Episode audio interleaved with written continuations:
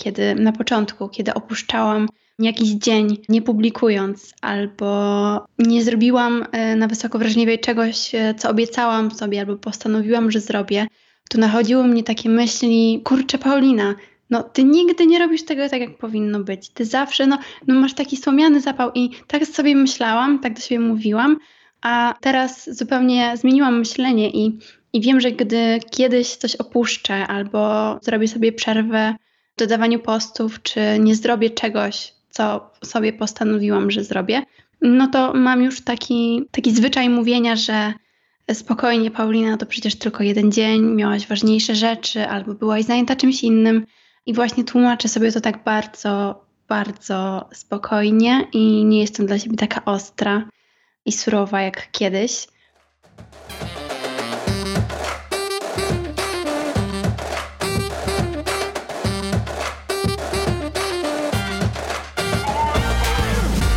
Cześć, tu Ania. Zapraszam do Pracowni Dziewczyn.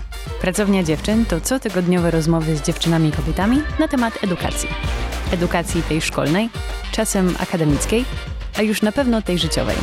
Dokąd miała zaprowadzić, a dokąd zaprowadziła. O wyborach, o porażkach, o pracy kobiet, z kobietami i nad sobą. Wiemy o niej mało, bo do tej pory niewiele mówiła o sobie i swojej drodze. Za to wielu zna jej twórczość na blogu i instagramowym profilu Wysoko Wrażliwa, gdzie przypomina, że świat potrzebuje ludzi wysoko wrażliwych, gdzie przekonuje nas, że wszystko, co czujemy, jest ważne i uczy, jak być dla siebie wyrozumiałą.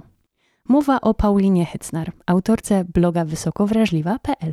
Paulina pochodzi z Katowic. Dziś mieszka w Krakowie, gdzie studiuje zarządzanie kulturą i mediami ze specjalizacją zarządzanie mediami na Uniwersytecie Jagiellońskim. I to właśnie media, a precyzyjniej media społecznościowe, odgrywają istotną rolę w życiu Pauliny, w jej pracy na etat i na profilu wysoko wrażliwa.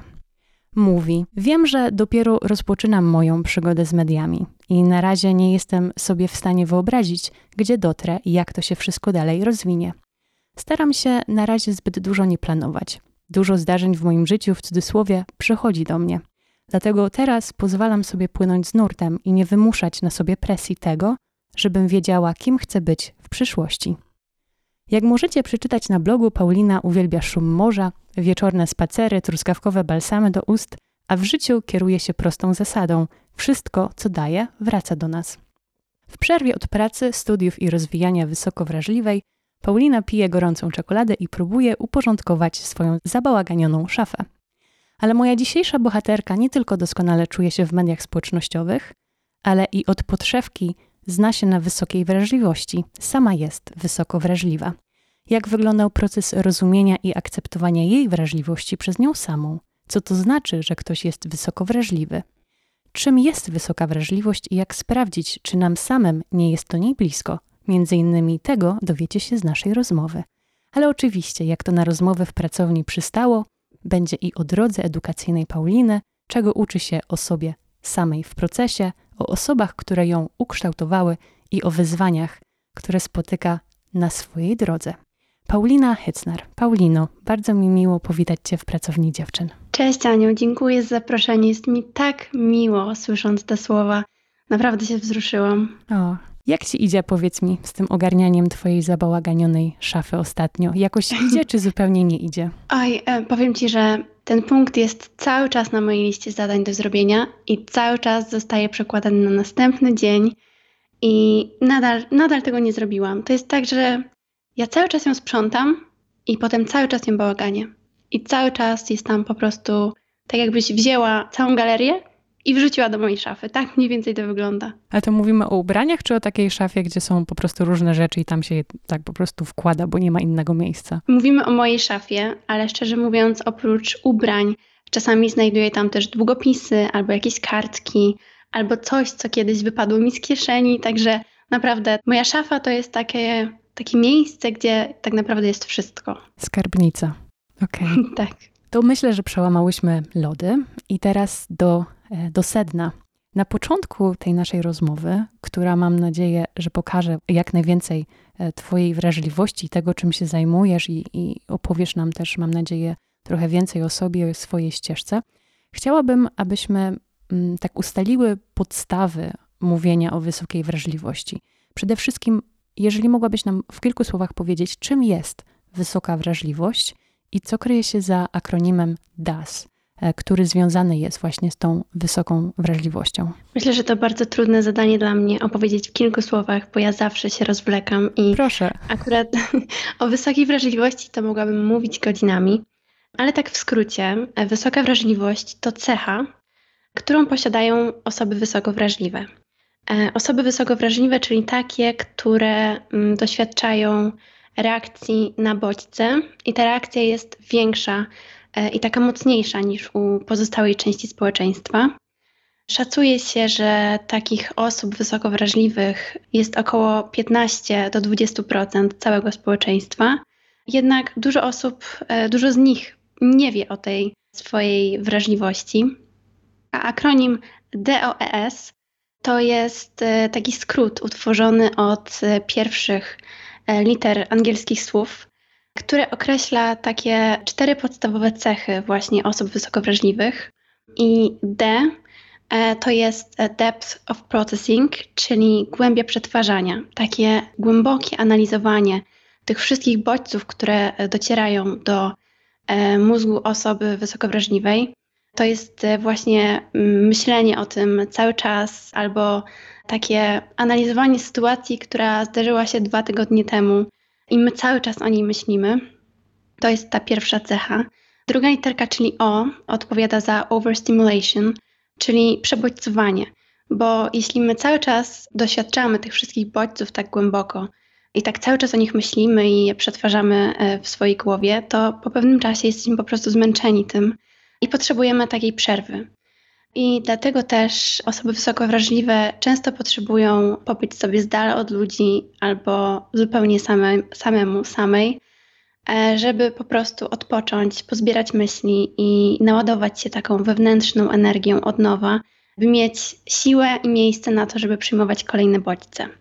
E, kolejna literka to jest E i tutaj za nią kryją się dwa słowa: empathy, czyli empatia, i emotional reactivity, czyli reaktywność emocjonalna. Empatia, no to wiadomo, wczuwanie się w sytuacji innych osób. Tutaj u osób wysoko wrażliwych lustrzane neurony, czyli właśnie e, neurony odpowiedzialne za empatię, są bardzo wyostrzone. Dlatego u nas ta empatia jest też taka właśnie bardziej wyostrzona. Neurony lustrzane działają jak lustro, czyli mm, widząc, czytając jakąś sytuację, e, o jakiejś sytuacji, zestawiamy ją z podobną sytuacją, która wydarzyła się w naszym życiu w przeszłości i porównujemy to, co my wtedy czuliśmy, do tego, co osoba może teraz czuć. I w ten sposób łatwiej nam wyobrazić i postawić się w sytuacji właśnie tej osoby, która teraz tę sytuację przechodzi. A reaktywność emocjonalna to po prostu odbieranie, odczuwanie emocji w taki sposób większy, taki bardziej wyczulony. Czyli na przykład, gdy oglądamy jakiś straszny film, to te emocje są u nas takie głębsze i takie mocniejsze. Albo gdy jesteśmy na rollercoasterze, to też wtedy ta adrenalina i to wszystko, co odczuwamy, jest po prostu takie głębsze. Albo gdy jesteśmy zakochani, to też czujemy to wszystko bardziej. I to ma, tak jak wszystko zresztą, swoje plusy i minusy. I ostatnia literka S to jest sensing the subtle, czyli wyczuwanie subtelności. Wyczuwamy zapachy, smaki, nastroje innych osób. Wyczuwamy takie rzeczy, które na pierwszy rzut oka nie są jakieś takie mm, krzyczące, Dużo osób tego nie zauważa, a my mamy taki mm, jakby szósty zmysł, taki instynkt, który nam podpowiada, e, co się może kryć za tym, co widać. I mniej więcej właśnie o to chodzi tej wysokiej wrażliwości. Jest dużo teorii na jej temat i dlatego ona jest też przez nawet niektórych psychologów uważana za taki termin, a jakiś tam termin z poradników, tam jakichś tam. Ale tak naprawdę, jakby odrzucając te wszystkie stereotypy i nieprawdziwe informacje na jej temat, no to wysoka wrażliwość to jest po prostu cecha jedna z wielu, które my mamy. I akurat właśnie to jest cecha mm, osób wysoko wrażliwych. No elegancko wy, wyjaśnione, wytłumaczone. Dziękuję. Tak się zastanawiam, bo ileś razy pojawiało się w, twoim, w Twojej definicji i, i tłumaczeniu właśnie po prostu silniej czy możemy tu mówić o jakiejś normie? Bo wyobrażam sobie, że tak jak powiedziałaś, że jest ileś osób, które są wysoko wrażliwe, że część z nich zupełnie nie jest świadoma, że tą wysoką wrażliwość w sobie ma. Czy możemy to jakby ustalić jakąś taką wartość, co to znaczy silniej? nie, wydaje mi się, że nie ma czegoś takiego, bo tak naprawdę każdy ma w sobie wrażliwość, jakąś wrażliwość na jakimś poziomie. I myślę, że ta granica między normalną wrażliwością, a już tą wysoką, jest e, bardzo cienka i czasami bardzo trudno ją zauważyć, dlatego że różne doświadczenia nas ukształtowały i czasami osoby, które są wysoko wrażliwe, tak jakby hamują tą swoją wrażliwość i nie chcą jej pokazać, ukrywają ją pod taką maską takiej siły i takiej, no nic mnie nie obchodzi, nic nie czuję, to mnie w ogóle nie zabolało, a tak naprawdę w środku odczuwają te wszystkie emocje, tylko po prostu nie chcą o nich mówić, nie chcą ich pokazać, dlatego że myślą, że wtedy będą w, in, w oczach innych ludzi słabi. Wysoka wrażliwość e, jest taką cechą, o której nie mówi się nawet, e, jeśli się ją ma i czasami nawet jeśli się jest jej świadomym. Z tego powodu też jest e, trudno po prostu określić taką normalną, normalny poziom wrażliwości. Myślę, że i tak na przestrzeni różnych dekad, cywilizacji czy pokoleń byłby zupełnie inny. Mhm. A jak, jak możemy sprawdzić, czy właśnie blisko nam jest do tej wysokiej wrażliwości, że możemy być osobą e, wysoko wrażliwą? Czy tu jest mowa o jakichś testach, czy na przykład rozmowa z psychologiem, czy obserwacja siebie? Jak to wygląda? Myślę, że wszystkie te elementy, które wymieniłaś, pomogą nam w identyfikacji e, swojej wrażliwości. To jest też tak, że gdy mówię o, o, o, tej cesze i mówię o tym akronimie i wszystkich e, jakby znakach e, wysokiej wrażliwości, to dużo osób e, myśli, że to jest takie powszechne i tutaj występuje czasami taki efekt horoskopowy, jaki właśnie jest w horoskopach, że czytasz o czymś i myślisz, no tak, tak, to do mnie pasuje, ale czytasz horoskop innego znaku zodiaku i sobie myślisz, kurczę, ale przecież to też do mnie pasuje. I myślę, że właśnie dużo ludzi też myśli, że tak jest z wysoką wrażliwością, że tak jakby coś zawsze można sobie podpiąć pod siebie. Dlatego na stronie autorki książek y, o wysoko wrażliwych osobach, Elaine Aron, jest test na wysoką wrażliwość. I na jej stronie jest akurat w języku angielskim, ale w języku polskim jest w każdym polskim wydaniu jej książki. Na samym początku jest test, który składa się z dwudziestu kilku pytań, e, na które można odpowiedzieć tak lub nie. I ile tam masz odpowiedzi na tak, a ile na nie, no to na tej podstawie wylicza się, czy jesteś osobą wysoko wrażliwą, czy nie i w jakim stopniu ta Twoja wrażliwość jest y, u Ciebie obecna. Ale też Elaine Aron otwarcie mówi, że ten test nie jest y, taki idealny i na 100% pewny. I najlepiej będzie tutaj właśnie porozmawiać z psychologiem, który pozwoli określić e, właśnie Twój poziom wrażliwości. Zastanawiam się nad e, taką obecną sytuacją, e, obecną rzeczywistością, w której nam przyszło funkcjonować, czyli lockdowny, pandemia, restrykcje właśnie związane z, z koronawirusem i z takim doświadczaniem troski o nasze zdrowie, niepewności, co będzie dalej. Ludzie oczywiście się martwią o pracę, o, o życie, o pieniądze, czy o swoich bliskich i tak dalej. Czy obecna sytuacja jest takim nawet większym wyzwaniem e, dla osób wysoko wrażliwych? I chciałam tu powiedzieć, że nie chodzi mi o wartościowanie czy cierpienia, czy wartościowanie strachu, czy, czy obaw. Chodzi mi raczej o to, o tą świadomość, o to zrozumienie po prostu, co mogą czuć inne osoby, które właśnie, tak jak mówisz, czy są bardziej empatyczne, czy, czy właśnie doświadczają tego przebodźcowania. Ja dokładnie wiem, o czym mówisz i tak samo nie chcę tutaj wartościować jakby uczuć ani cierpienia, bo myślę, że ta sytuacja jest naprawdę trudna dla każdego z nas i, i to są ogromne zmiany i, i niepewność. Ale też, jak tak powiedziałam, że osoby wysoko wrażliwe odczuwają wszystko bardziej, więc te sytuacje też będą odczuwać po prostu bardziej. Bardziej będą odczuwać te zmiany i bardziej będą to analizować przede wszystkim w swojej głowie. Będą cały czas o tym myśleć. I też sama ze swojego doświadczenia wiem, i tak samo po rozmowach z innymi osobami wysoko wrażliwymi, dla nas bardzo e, takie odczuwalne było czytanie wiadomości, tych newsów, które się pojawiają. Cały czas jakieś nowe nagłówki, dramatyczne. I tak na początku pandemii, jak i przez cały czas w sumie jej trwania.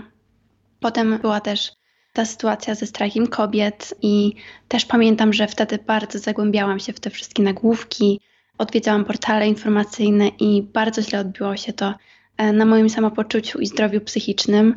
bo te informacje po prostu bardzo przytłaczają i osoby wysoko wrażliwe myślą o tym i odczuwają to jeszcze długo po tym, jak już przestają czytać. Dlatego ja od kilku lat po prostu nie mam e, żadnych e, programów w telewizji, ani nie, nie odwiedzam takich portali informacyjnych, po prostu ze względu na, na własne samopoczucie i na taką troskę o siebie. Ale tak, jeszcze wracając do Twojego pytania, widzisz, ja się, ja się cały czas e, rozwlekam tak z moimi odpowiedziami. Dobrze, dobrze, mamy czas. Ale tak, osoby wysoko wrażliwe też z pewnością są tutaj bardzo poszkodowane, jeśli chodzi o tą sytuację i po prostu cały czas mają ją gdzieś z tyłu głowy. Na e, Instagramie Wysoko Wrażliwa, o ile dobrze pamiętam, o ile mnie pamięć nie myli, napisane, że świat potrzebuje e, ludzi wysoko wrażliwych. Jakby wyglądał świat, gdyby takich osób nie było, gdyby nie było wśród nas tej wysokiej wrażliwości? Czego by brakowało, jak myślisz? Myślę, że z pewnością brakowałoby równowagi, bo ja jestem zdania, że wszystko, co istnieje, e, równoważy tą stronę przeciwną. Tak samo jak jest e, płeć żeńska i męska, które współpracują ze sobą, a nie walczą i które mogą nawzajem uczyć się od tej drugiej strony, tak też istnieją osoby wysoko wrażliwe i osoby mniej wrażliwe, i one też się uzupełniają w tym świecie. Tak jak czytałam w różnych książkach na przestrzeni ewolucji, prawdopodobnie osoby wysoko wrażliwe były tymi osobami, które mówiły: Poczekaj, nie idź tam, bo ja czuję, że tam może być coś niebezpiecznego. I tak właśnie wyczuwały to niebezpieczeństwo, albo y, z drugiej strony wyczuwały jakąś szansę na przeżycie i jakoś tam próbowały y, poprowadzić tam resztę. Więc myślę, że i w dzisiejszych czasach, może nie tak ekstremalnych jak te tysiące lat temu, ale z pewnością e, osoby wysoko wrażliwe e, są bardzo potrzebne i świat bardzo potrzebuje tych osób. Ze względu na to przede wszystkim, że są to osoby takie bardzo emocjonalne, ale nie mam tutaj na myśli emocjonalne, czyli płaczliwe, tylko emocjonalne, czyli skupiają się na tym życiu wewnętrznym i jest on, ten świat wewnętrzny jest dla nich bardzo ważny.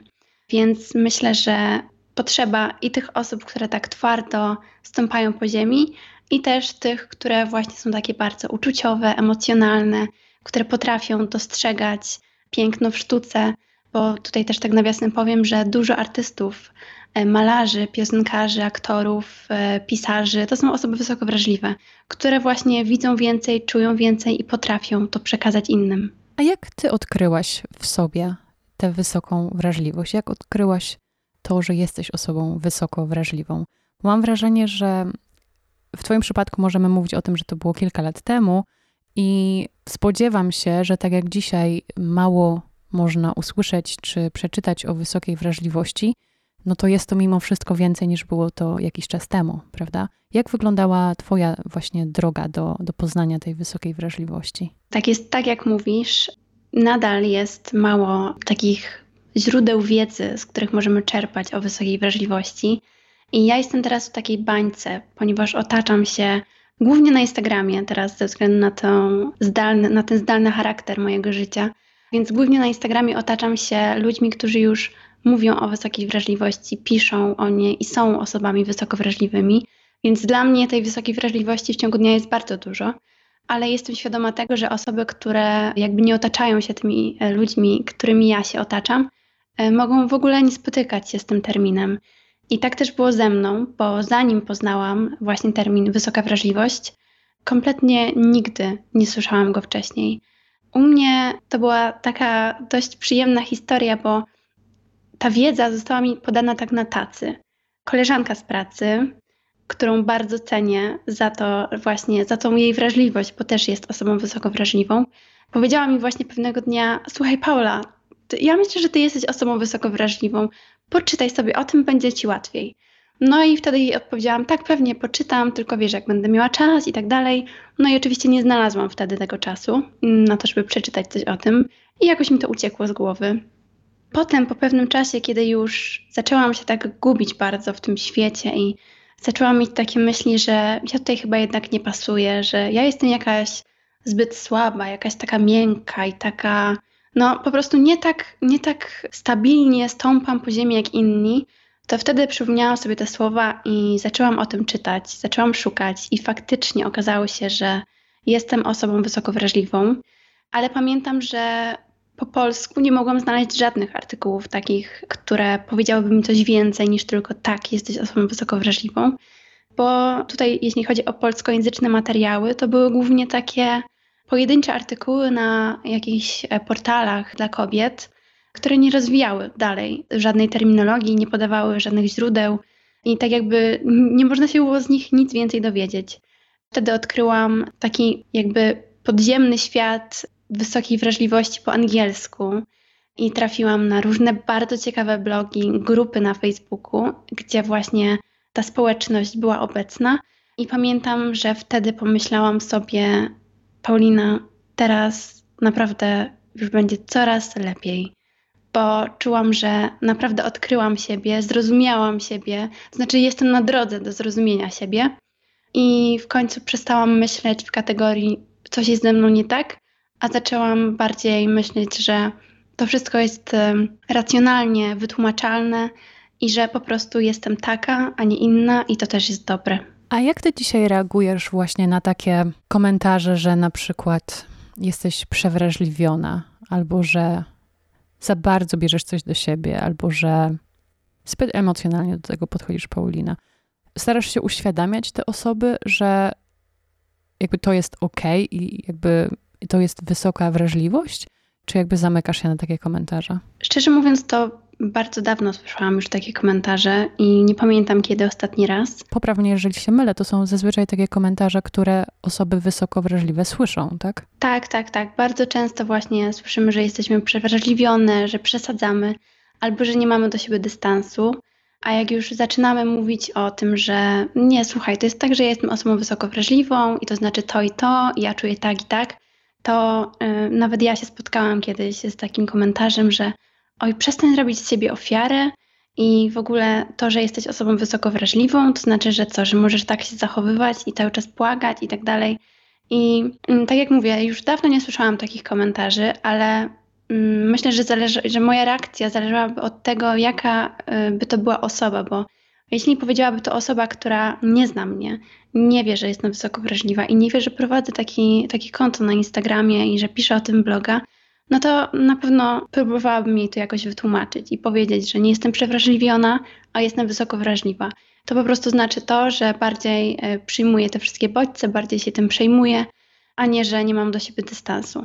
Ale jeśli to byłaby osoba, która jest mi bliska i wie o tym, że jestem wysoko wrażliwa i czyta moje posty na Instagramie, a i tak w jakiejś tam kłótni czy nieporozumieniu rzuci mi, że oj, przesadzasz, jesteś przewrażliwiona, to myślę, że nie powiedziałabym po prostu nic i dałabym tej osobie czas, żeby sama to zrozumiała. Słucham ciebie, ja też tak mówię, mówimy obie w formach żeńskich, czyli że jesteś przewrażliwiona, czy że jakaś dziewczyna jest prze przewrażliwiona. Ale to nie jest cecha, która jest tylko i wyłącznie e, przynależna e, płci żeńskiej, prawda? E, też możemy powiedzieć, że mężczyzna jest wysoko wrażliwy. Czy wiesz coś na temat tego, jak to statystycznie wygląda? Jak często ta wysoka wrażliwość pojawia się też wśród mężczyzn? Tak, myślę, że to jest temat, który też bardzo chciałabym poruszyć, dlatego że ja tworzę dla kobiet jedynie. Jest na moim profilu bardzo dużo różu, są końcówki żeńskie. I jest to właśnie, myślę, że mężczyźni, którzy przychodzą na mój profil, czują się tak troszkę wykluczeni. Ale przychodzą, tak, mężczyźni? Przychodzą. Tak, tak, jest też ich tak ze statystyk ponad 2% lekko. I widzę, że właśnie zadają mi pytania, piszą wiadomości prywatne, oglądają moje Instastory, więc są. Ale dlatego y, też czasami poruszam taki temat, że nie tylko kobiety są wysoko wrażliwe, bo ta cecha wysokiej wrażliwości dotyczy i kobiety, i mężczyzn w równym stopniu.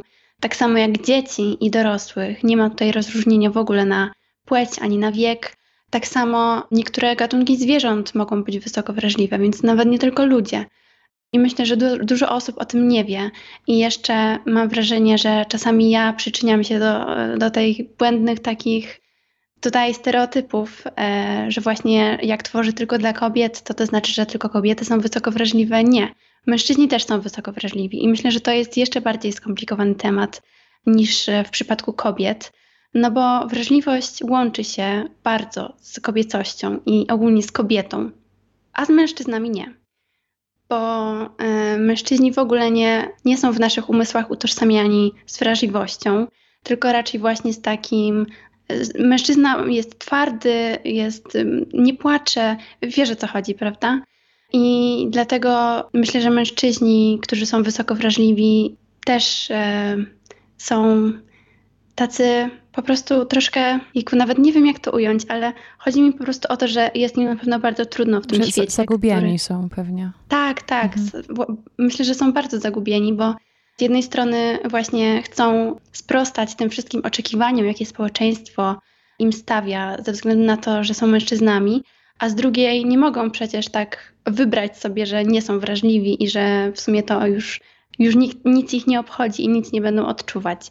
Więc tak, na pewno e, mężczyźni też są wysoko wrażliwi i z tego co wiem, nie istnieją badania, które mówią, że więcej jest kobiet, a mniej mężczyzn. Myślę, że układa się to w miarę porówno. Powiedziałaś e, o oczekiwaniach, e, czy właśnie, że społeczeństwo oczekuje od mężczyzn tego, a na przykład od kobiet czegoś innego, może stereotypowo. A jak to wygląda, jeżeli chodzi o oczekiwania, które my sobie sami stawiamy? Czyli na przykład o bycie perfekcjonistą czy perfekcjonistką. Czy cecha, jaką jest wysoka wrażliwość, czy ona idzie w parze z perfekcjonizmem, czy to może być tendencja osób wrażliwych, wysoko wrażliwych, czy nie możemy tutaj mówić o takiej korelacji? Na moim przykładzie mogę y, powiedzieć, że jestem zarówno osobą wysoko wrażliwą, jak i perfekcjonistką, ale zbyt łatwo byłoby mi teraz powiedzieć, że tak, że wszystkie osoby wrażliwe są takie. Myślę, że i też bardzo często staram się to powtarzać, że wysoka wrażliwość to jest jedna z mnóstwa cech, które mamy, jako każdy z nas ma jako człowiek. Tak samo introwertyzm, ekstrawertyzm to są też cechy, które bardzo nas definiują. I myślę, że wysoka wrażliwość e, tak jakby nie jest jedną główną cechą, którą mamy. I patrzenie na, na jakby całą osobę przez pryzmat tylko tego, że jest osobą wysoko wrażliwą, jest e, takie bardzo wąskie. Dlatego e, myślę, że perfekcjonizm tutaj może wywodzić się bardziej z doświadczeń, które my mieliśmy tego, jak wyglądała na przykład nasza nauka w dzieciństwie. W sensie chodzi mi o naukę szkolną, tak? O to, jak rodzice nas y, pilnowali z nauką, jak to wyglądało w szkole, albo w późniejszych już y, jakichś momentach życia. Nie łączyłabym tego stricte z wysoką wrażliwością.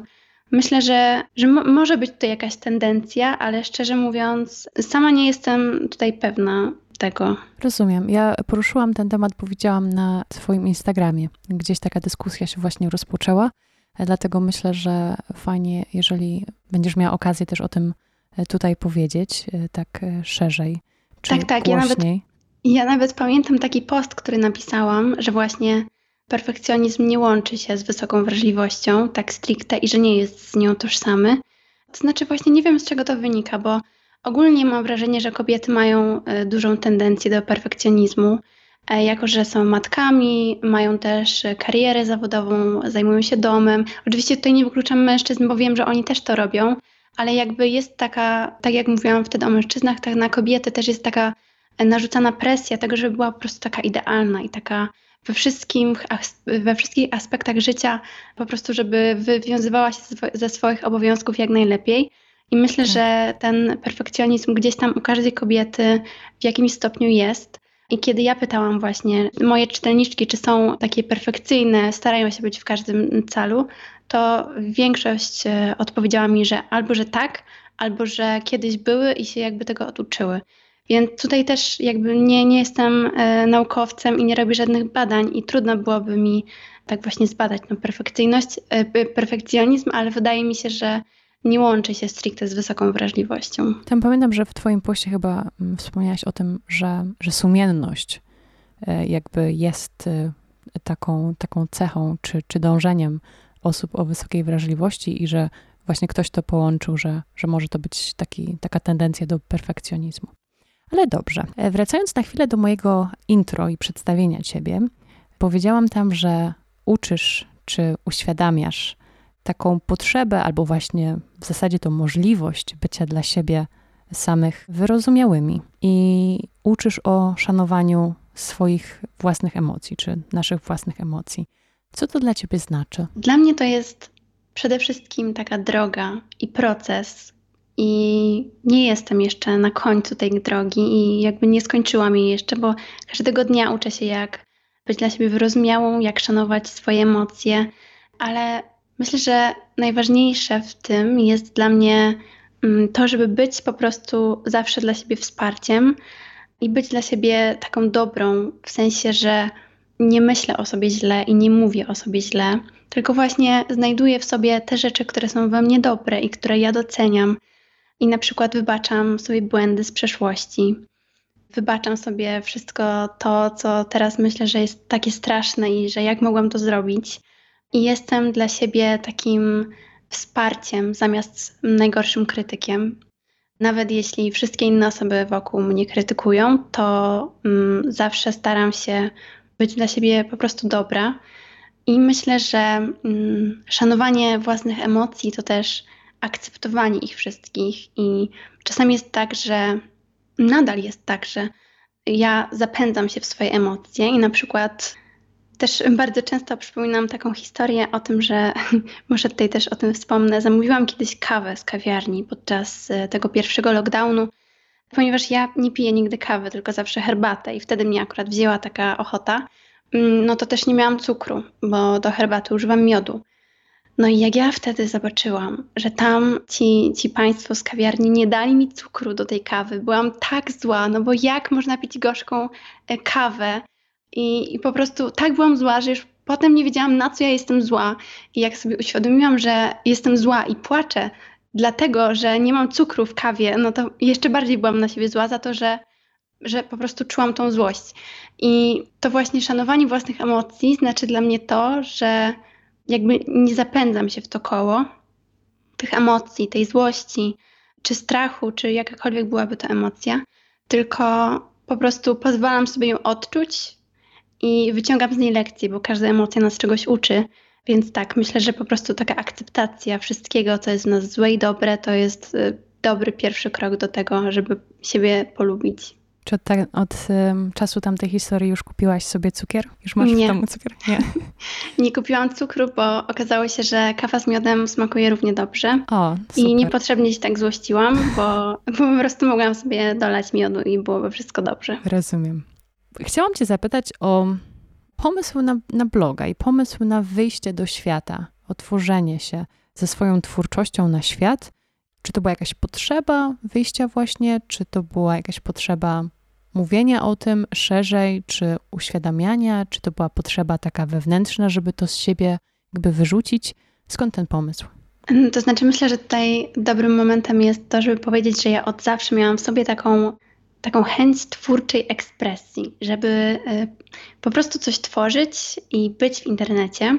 Kiedyś w liceum e, prowadziłam bloga. Tak naprawdę on był o wszystkim i o niczym. Taki, taki po prostu młodzieżowy blog. Potem przyszła matura i jakby przestałam mieć na to czas. I kiedy dowiedziałam się, że jestem osobą wysoko wrażliwą, a było to w sumie niecałe dwa lata temu, to tak jakby od razu y, właśnie poszukałam czegoś po polsku, po prostu u nas na naszym polskim rynku, jakichś blogów, Instagramów. Mało znalazłam, więc y, taka pierwsza moja myśl też była, że hmm, może zacznę o tym pisać po prostu ja.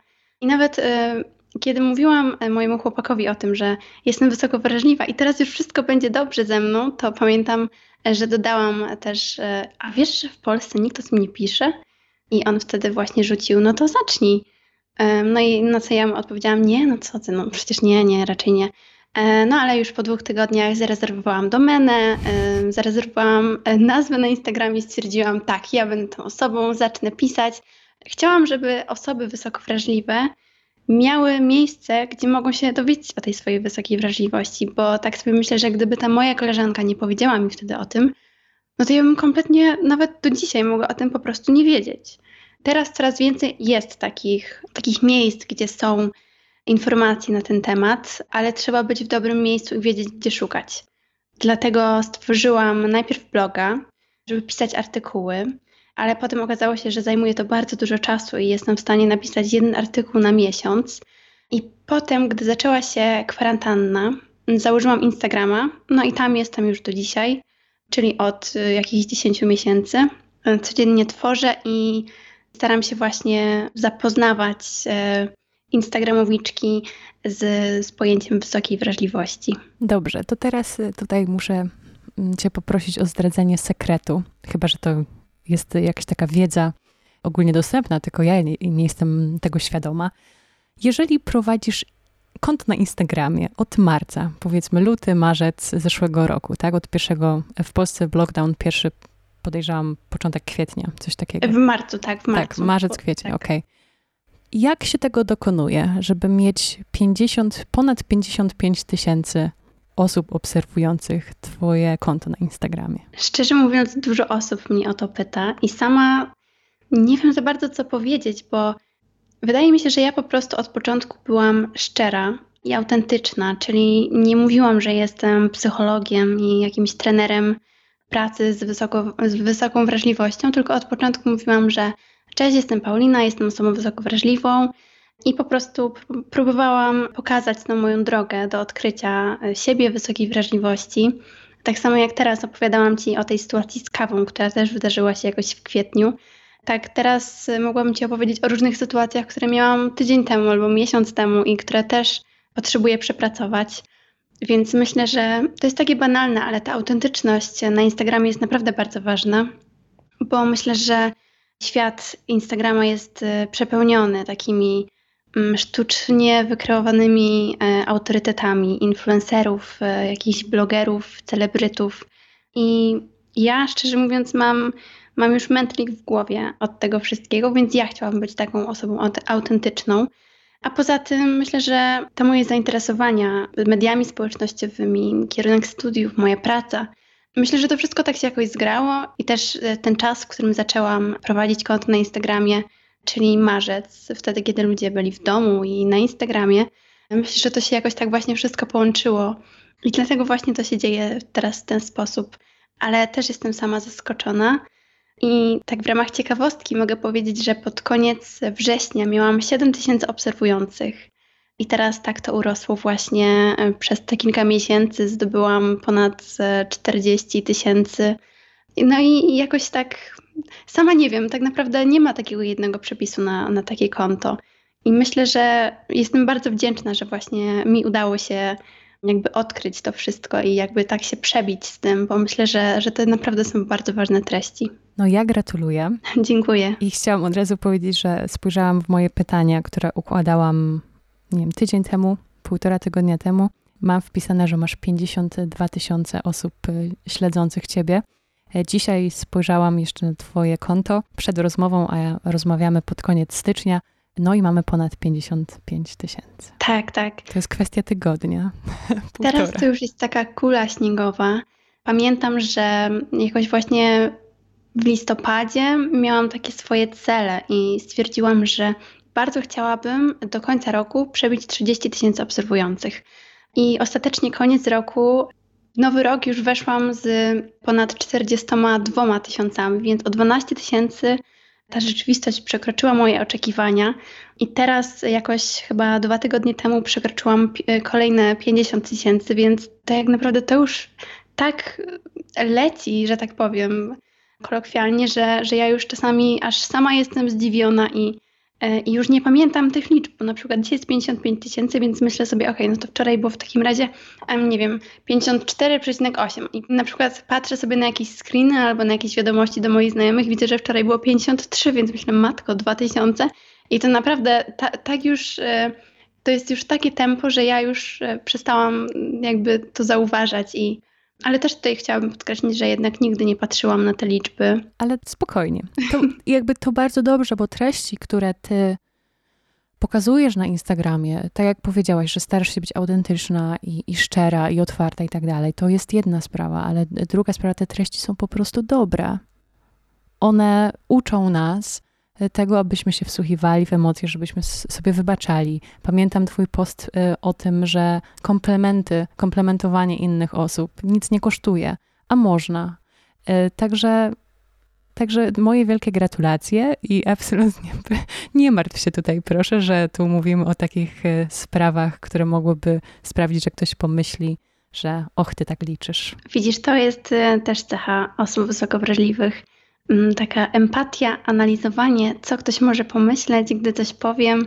I no, no widzisz, to, to u mnie też nadal jest i jakby muszę jeszcze nad tym też popracować. Znaczy, wiesz, ja nie mogę zagwarantować, jaka będzie reakcja osoby, która słucha właśnie naszej rozmowy, natomiast y, ja tutaj, jako powiedzmy właścicielka pracowni, gwarantuję zero ocen tego, co mówisz. Także to z mojej strony Dziękuję, mogę bardzo dodać. mi miło.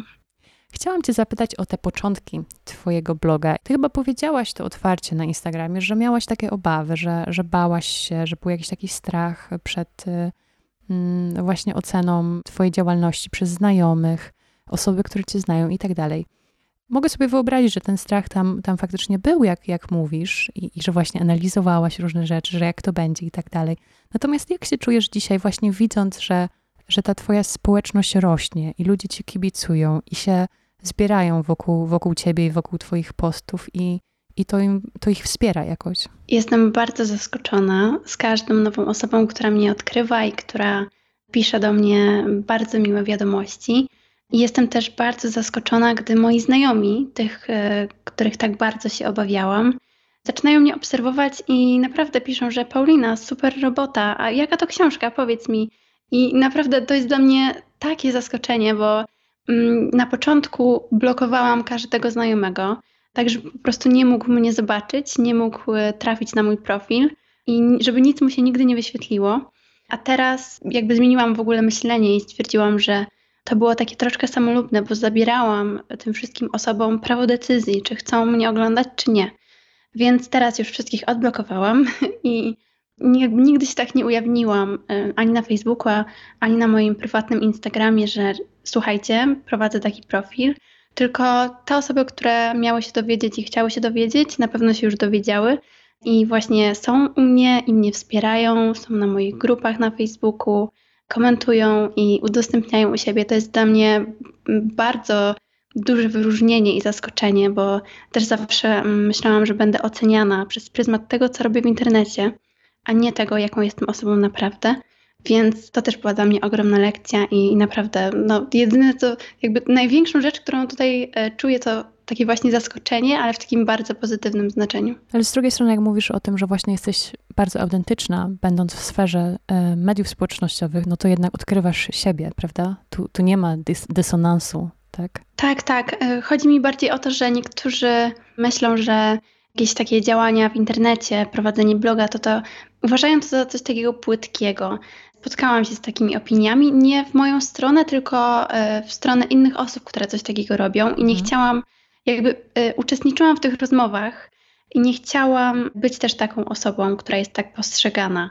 Myślę, że było to dla mnie bardzo trudne ze względu na to, że te osoby już mnie znały prywatnie i nie chciałam, żeby sobie coś o mnie złego pomyślały, gdy zobaczą też mnie na Instagramie. Rozumiem. Chciałam Cię zapytać o o to, co ty myślisz, że jest ważne przy startowaniu, przy zakładaniu swojej marki, przy takim postanowieniu, teraz otworzę konto na Instagramie czy na Facebooku i będę obecna w mediach społecznościowych. W tej fazie początkowej, na co, mm, na co byś zwróciła uwagę, na czym można się skupić, co jest ważne, aby właśnie jakoś tej marce, albo żeby ją dobrze zacząć, albo pomóc jej jakoś tak E, wzrosnąć? Myślę, że najważniejsze to jest po prostu pomysł na to, co się chce zrobić. Ja tego pomysłu też od zawsze nie miałam. Tak jak Ci wcześniej powiedziałam, kiedyś miałam bloga, który było wszystkim i o niczym, ale bardzo chciałam coś zrobić, tylko nie wiedziałam po prostu co.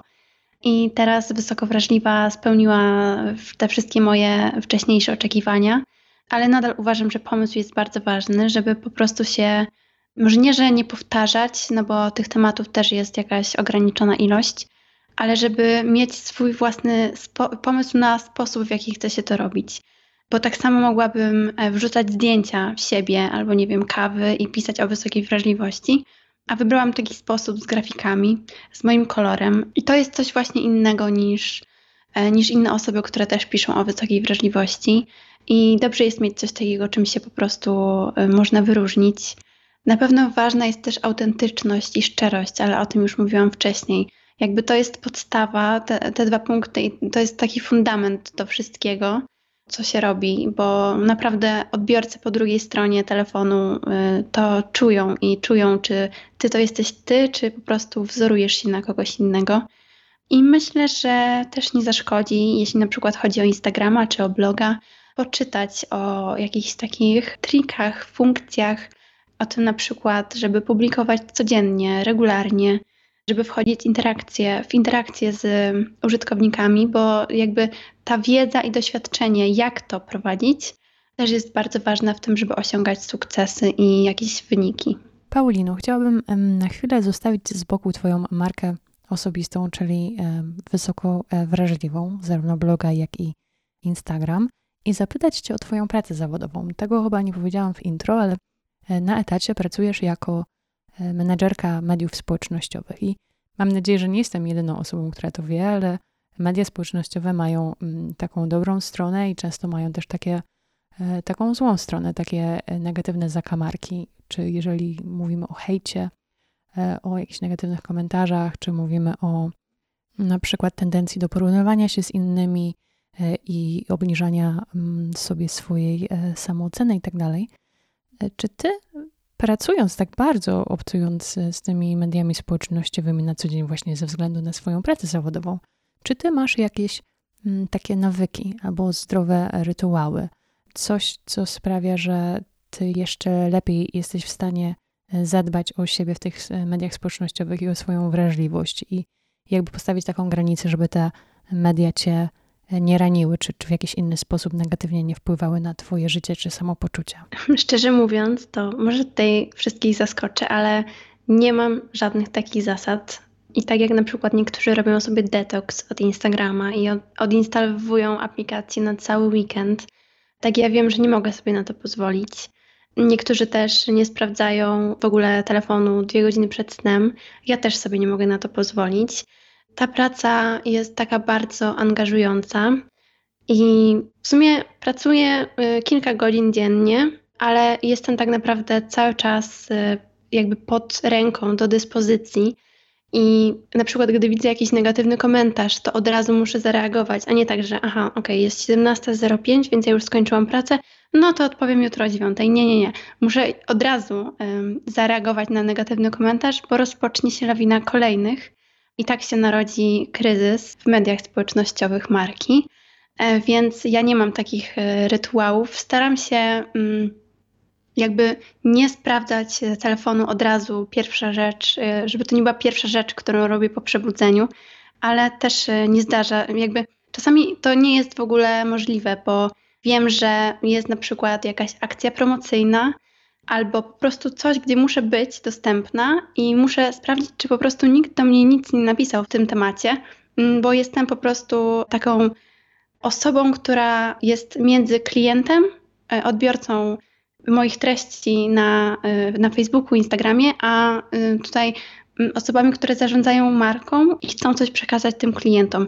Więc nie mogę być wycięta i, i powiedzieć, że ja w sumie to wstałam i teraz medytuję albo, albo coś takiego robię. E, ja też nie jestem osobą, która e, wcześniej rano wstaje na tyle wcześnie, żeby sobie zrobić te wszystkie rzeczy, więc no jestem właśnie taką sową bardziej niż rannym ptaszkiem.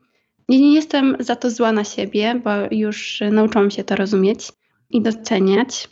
Ale jedyną taką, jak teraz sobie myślę, takim nawykiem i zasadą, którą się kieruję, po prostu to, że obserwuję osoby, które wnoszą coś dobrego do mojego życia, a nie te osoby, które jakby nie ma takiego przymusu obserwowania na przykład znajomych. Jeśli widzę, że jakiś znajomy udostępnia coś, co mi nie służy, to ja nie mam takiego wewnętrznego przymusu obserwowania go po prostu daj unfollow i jakby nadal lubię tę osobę i nadal się z nią przyjaźnię, ale nie obserwuję jej na Instagramie. Mam wrażenie, że dużo osób nie potrafi tego zrobić i uważa, że wtedy ta druga osoba się obrazi. Więc to jest taka moja jedyna zasada, którą się kieruję, że kiedy widzę, że jakiś profil źle na mnie działa, to po prostu klikam unfollow i, i staram się być szczęśliwa. Ja nie wiem, czy ja bym się odważyła na to. Właśnie mm, przez pryzmat tego, że ktoś może się obrazić albo jakby nie widzieć tego rozróżnienia, że w życiu codziennym możemy, czy jakby żyjąc, możemy rozmawiać ze sobą i, i być znajomymi, przyjaciółmi i tak dalej, a coś, co jest w internecie, czy na, na, na profilu tej osoby, może na mnie źle wpływać. Bo czasami mam wrażenie, że zachowujemy się inaczej y, w rzeczywistości, a inaczej w mediach społecznościowych. I na przykład mi nie zawsze to odpowiada. Jakby na przykład lubię osobę tak, jak rozmawiam z nią na żywo, ale w mediach społecznościowych na przykład jest jej za dużo, albo udostępnia coś jakby, nie wiem, czego ja, jak, czym ja się w ogóle nie interesuję, jakiś dany gatunek muzyki, albo nie wiem, jakąś sztukę. I zawsze wspieram te osoby, ale nie, y, nie moim kosztem. Nie dlatego, jakby nie chcę czuć się źle przez to, że, że, że mam taki przymus y, bycia dla innych. Też y, bardzo często, nie wiem kto jest autorem tych słów, ale bardzo często ja sobie powtarzam, żeby nie podpalać samej siebie, by innym było ciepło. Okay, to... Znaczy nie chcę teraz zabrzmieć jakoś tak też niemiło, jejku, nie wiem jak to zostanie odebrane, Chodzi po prostu o to, że nigdy nie chcę robić czegoś wbrew sobie, tylko po to, żeby jakby zrobić coś dla innego. To jest właśnie taki paradoks i, mm, i taka równowaga między dawaniem a braniem. I myślę, że tego po prostu trzeba się nauczyć, żeby nie chodzi o samolubne stawianie siebie na pierwszym miejscu, mhm. tylko po prostu o to, żeby zadbać o siebie, bo tak naprawdę jeśli ja o siebie nie zadbam, no to nikt o mnie nie zadba w ten sposób. Tak, tak. To jest tak samo jak z, niesieniem, z, z niesieniem pomocy czy wsparcia. Jak ty nie zadbasz o siebie, to, to ciężko jest po prostu wspierać inne osoby. Rozmawiamy o koszcie, pomaganiu kosztem siebie i followowaniu, obserwowaniu innych osób kosztem, kosztem swojego samopoczucia i tak dalej. Ja chciałabym cię zapytać o coś innego, co stało się twoim kosztem. To znaczy, Chciałabym Cię zapytać e, o, o, temat takiej ochrony własnej twórczości w mediach społecznościowych. Jakiś czas temu podzieliłaś się informacją, że kilka swoich postów na Instagramie stało się, tak eufemistycznie mówiąc, inspiracją dla treści na innym Instagramowym koncie. I z perspektywy osoby, która padła, tak jak mówisz tutaj, ofiarą, czy powiedziałaś wtedy, ofiarą plagiatu, ale też która tak dużo wie właśnie o prowadzeniu siebie, swojej marki w mediach społecznościowych, co poradziłabyś innym kreatorom, kreatorkom w temacie ochrony twórczości, a z drugiej strony osobom, które chcą dzielić się treściami stworzonymi przez innych, ale nie są pewne, w jaki sposób to zrobić, aby właśnie nie być posądzonym o plagiat, czy o to, że kogoś się skrzywdziło? E, myślę, że zacznę od tej prostszej części pytania i też e, moja odpowiedź będzie krótsza.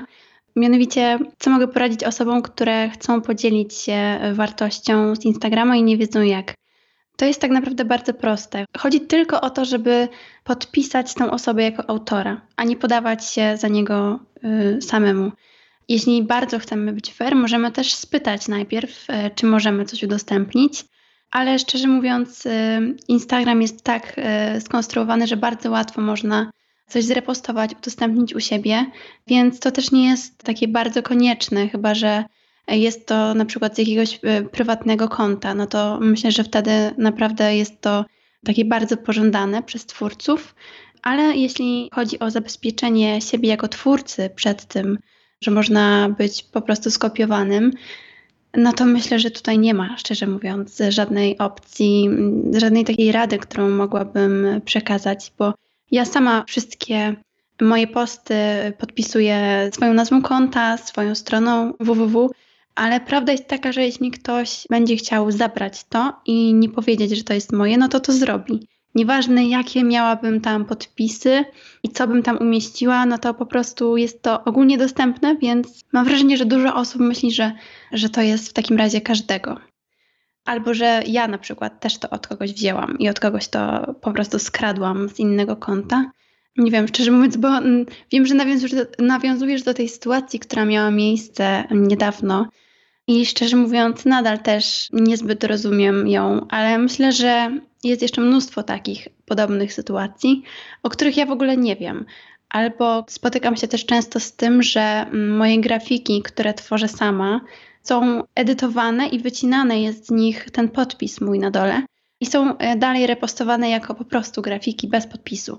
No i ludzie, którzy je widzą, jakby nie mają już możliwości zobaczyć, kto jest autorem, więc mogą po prostu wziąć sobie te słowa, myśląc, że są niczyje. Ale czy to już nie podlega w tym momencie o prawa autorskie i szczególnie, że jest to grafika, nie tylko słowa, tak? Że na przykład, no rozumiem, że ktoś mógłby powiedzieć dbaj o siebie, tak jak ty mówisz, dbaj o siebie. Czy jest to ważne, że e, żebyśmy dbali o siebie. Ale czy to już nie podchodzi pod kwestie właśnie prawne, sądowe, kiedy ktoś wycina twój podpis z grafiki i postuje ją jako swoją?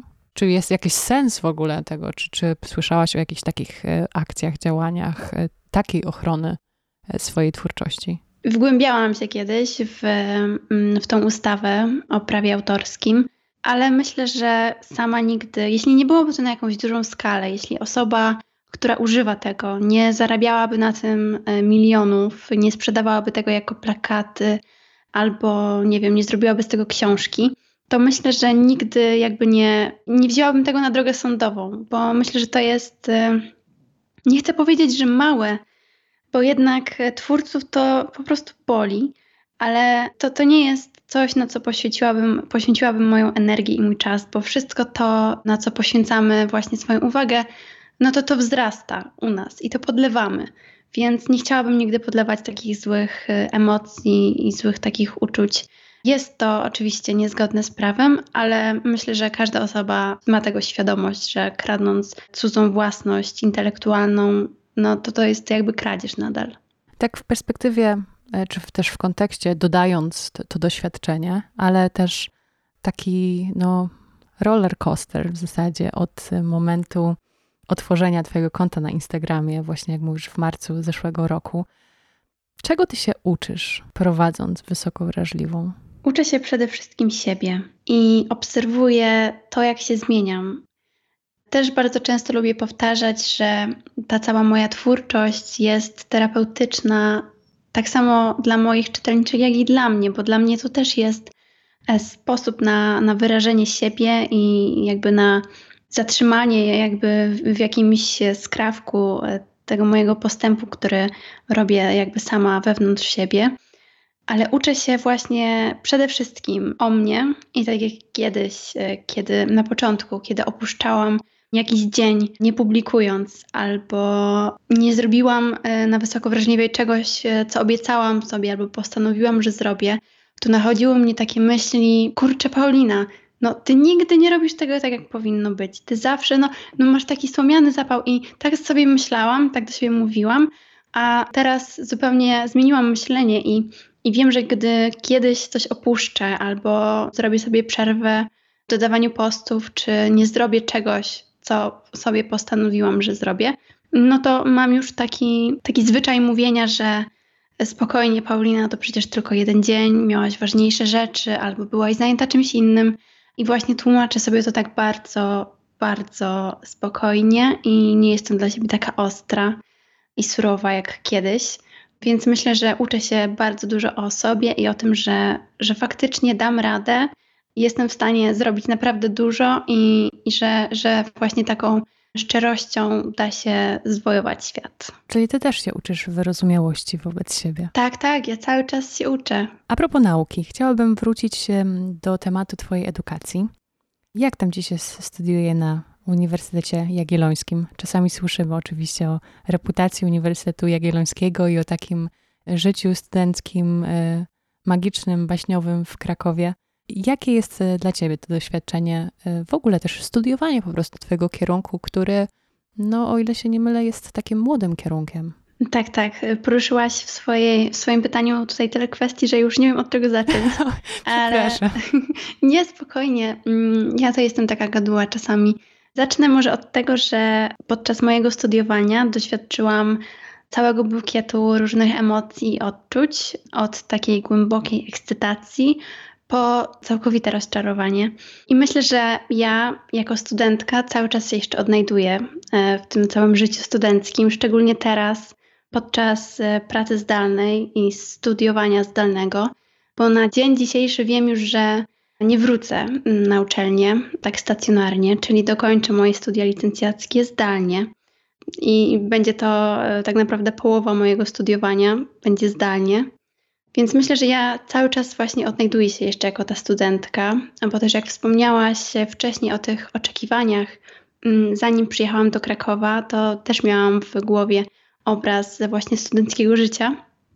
Ale jednak e, rzeczywistość była inna, bo zaraz e, z momentem skończenia zajęć biegłam do pracy i tak naprawdę y, nie doświadczyłam takiego studenckiego życia y, jak to może się wydawać. Ale tak, myślę, że każdy jakby ma swoje własne um, doświadczenia związane ze studiowaniem i dla niektórych jest to cały czas jakaś zabawa i znajomi, a dla niektórych jest to nauka, a dla niektórych jest to jeszcze coś innego, więc y, u mnie no to zdecydowanie był taki znowu roller coaster i myślę, że dużą rolę tutaj odegrało też to, że ja już zaczęłam pracę w moim zawodzie, studiując, więc te studia przestały mieć dla mnie takie, takie głębokie znaczenie tego, że jak je skończę, to dopiero wtedy będę miała pracę, bo ja już, już tutaj pracuję i widzę, jakby jak działają studia i jak się mają do, do tego, jak wygląda praca w, w rzeczywistości.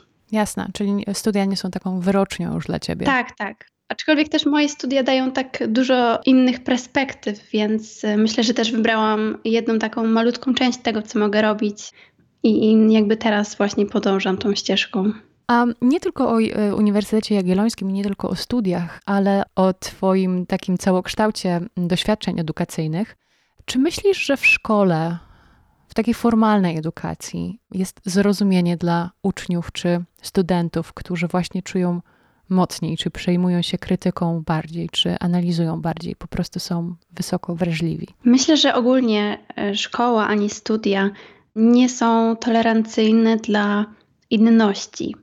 Tak jak na przykład e, wspomniałam wcześniej, że jestem taką typową osobą, e, która najlepiej pracuje w takich godzinach popołudniowych i mm, dość długo pracuje wieczorem a nie potrafię obudzić się o siódmej, ósmej, czasami nawet dziewiątej rano i nawet jak już e, się obudzę, to nie będę w ogóle w stanie funkcjonować tak, żeby, nie wiem, pisać jakieś kolokwia, robić jakieś zadania.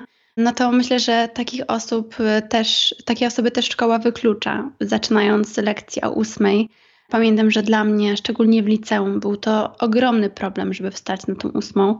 Czasami miałam jeszcze jakieś zajęcia na siódmą rano i po prostu nie dawałam rady ani wstać, ani potem na nich myśleć. Nie wyciągałam z tych lekcji kompletnie nic, a jedynie się męczyłam.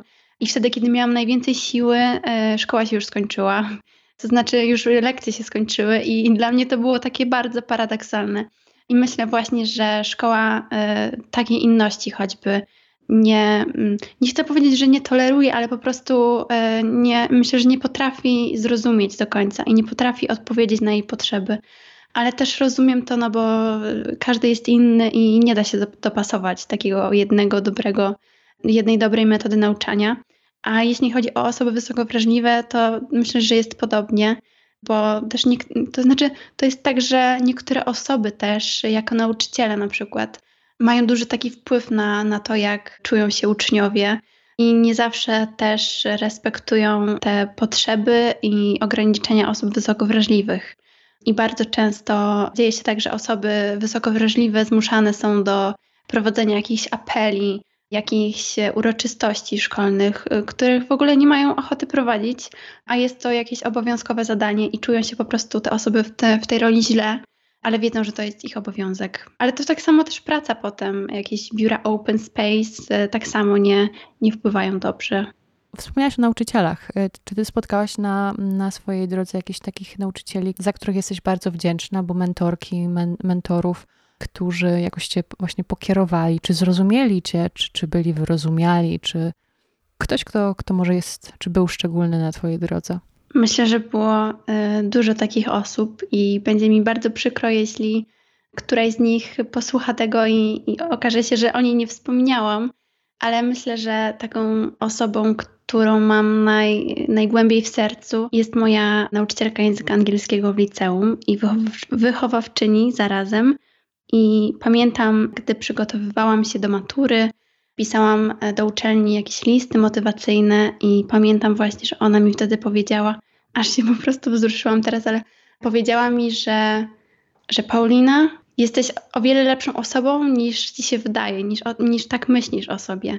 E, I pamiętam, że bardzo się wtedy wzruszyłam i było mi bardzo tak ciepło na sercu.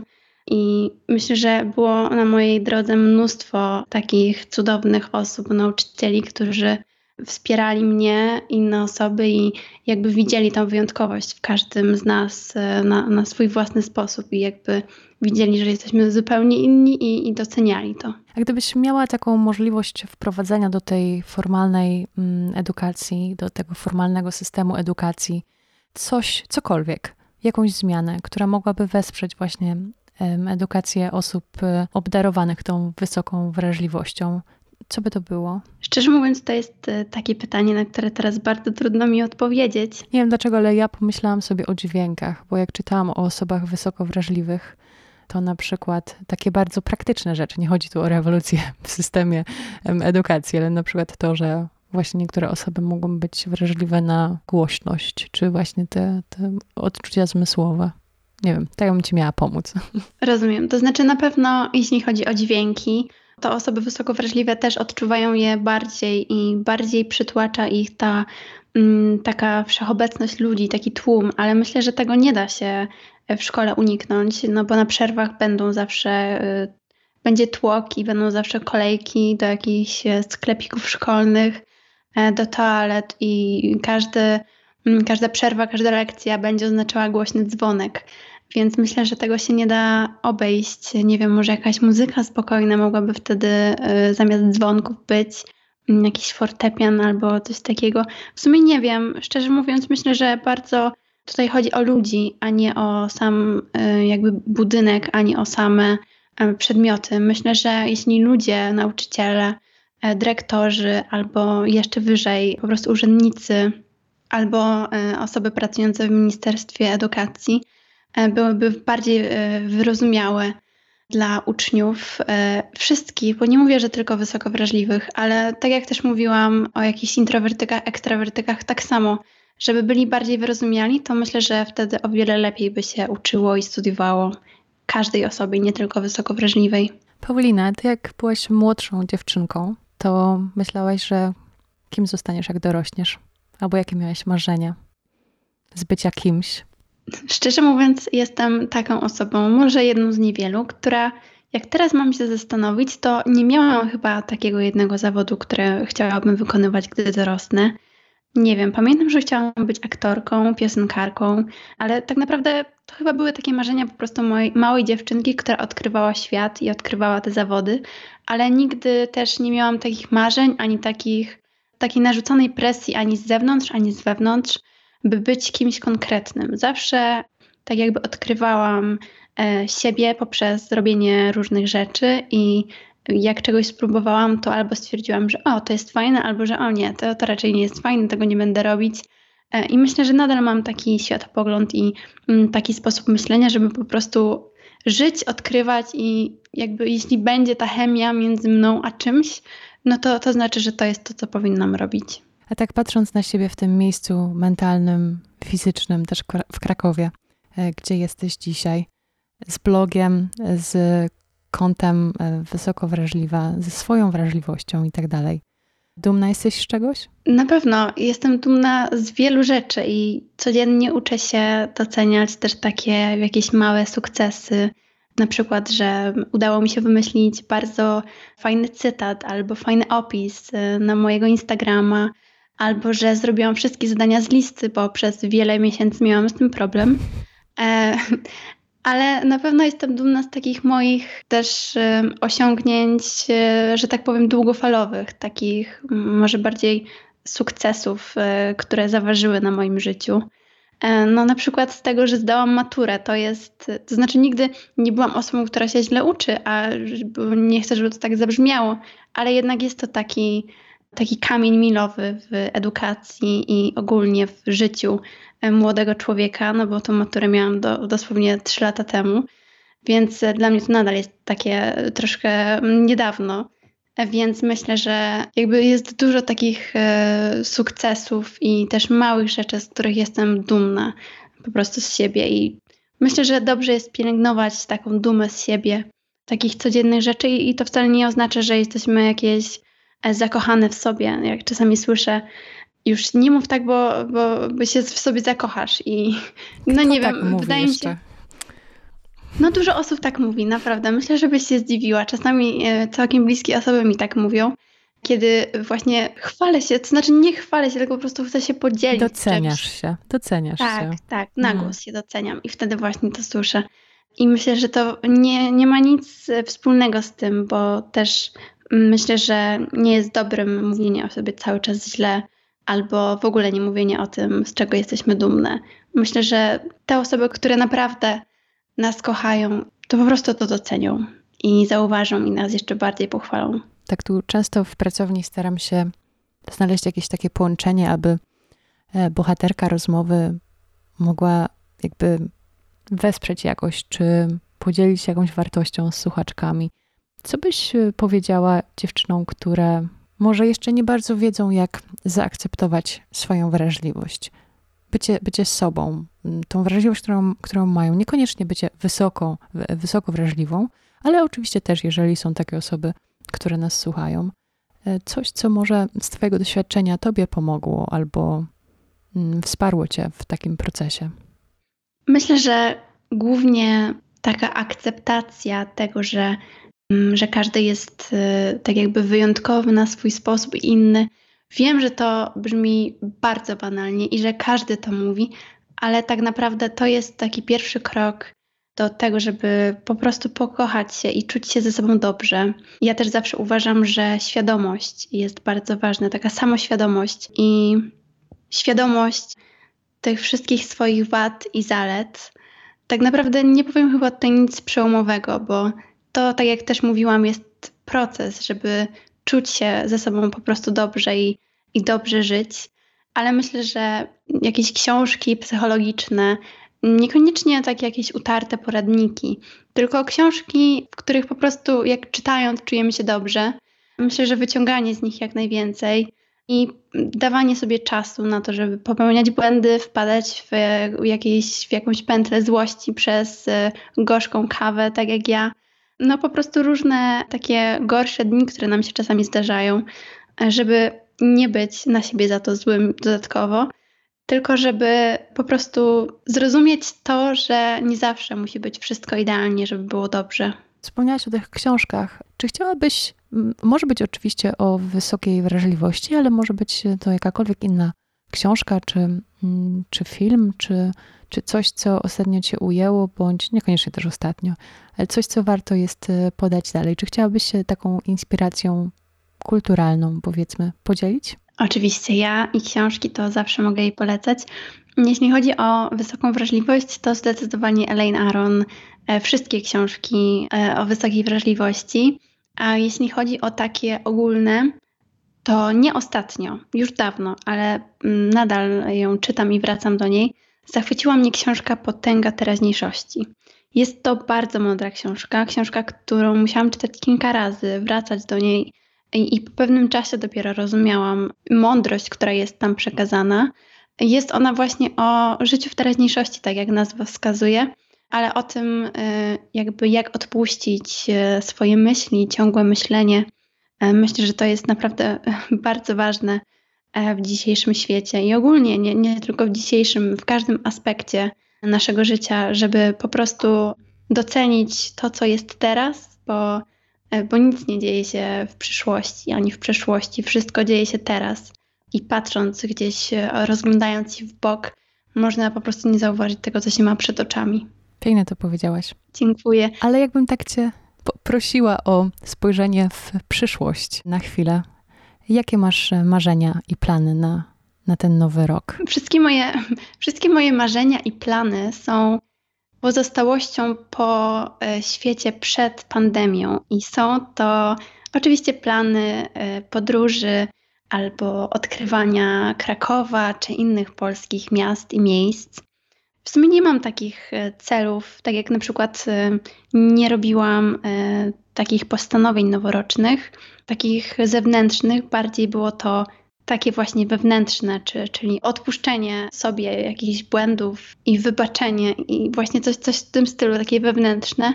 Tak nie mam też żadnych szczególnych marzeń ani planów. Chciałabym skończyć studia i po prostu to jest taki mój na razie główny cel, na którym się koncentruję, a tak jakby co będzie dalej, no to, to zobaczę. Dużo rzeczy tak po prostu do mnie przyszło, tak jak powiedziałaś na początku. I ja dalej będę to powtarzać, że te rzeczy do mnie przyszły, albo że ja po prostu odkryłam je w dobrym miejscu i, i wcześniej, gdybym ich szukała w tamtym miejscu, to by ich tam nie było, bo musiałam być po prostu na nie gotowa. Paulino, to ja trzymam kciuki, żeby jak najwięcej dobra przychodziło do ciebie, tak jak w twojej dewizie życiowej, że to, co dajemy, powraca do nas.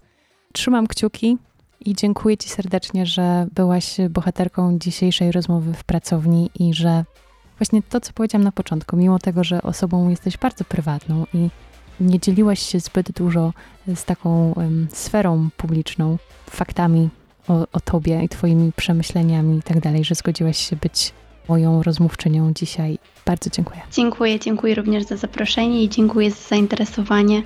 Naprawdę było mi bardzo miło.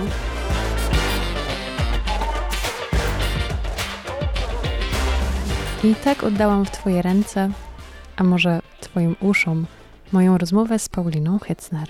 Działalność Pauliny możesz śledzić na jej instagramowym profilu Wysoko Wrażliwa, a także na blogu wysokowrażliwa.pl.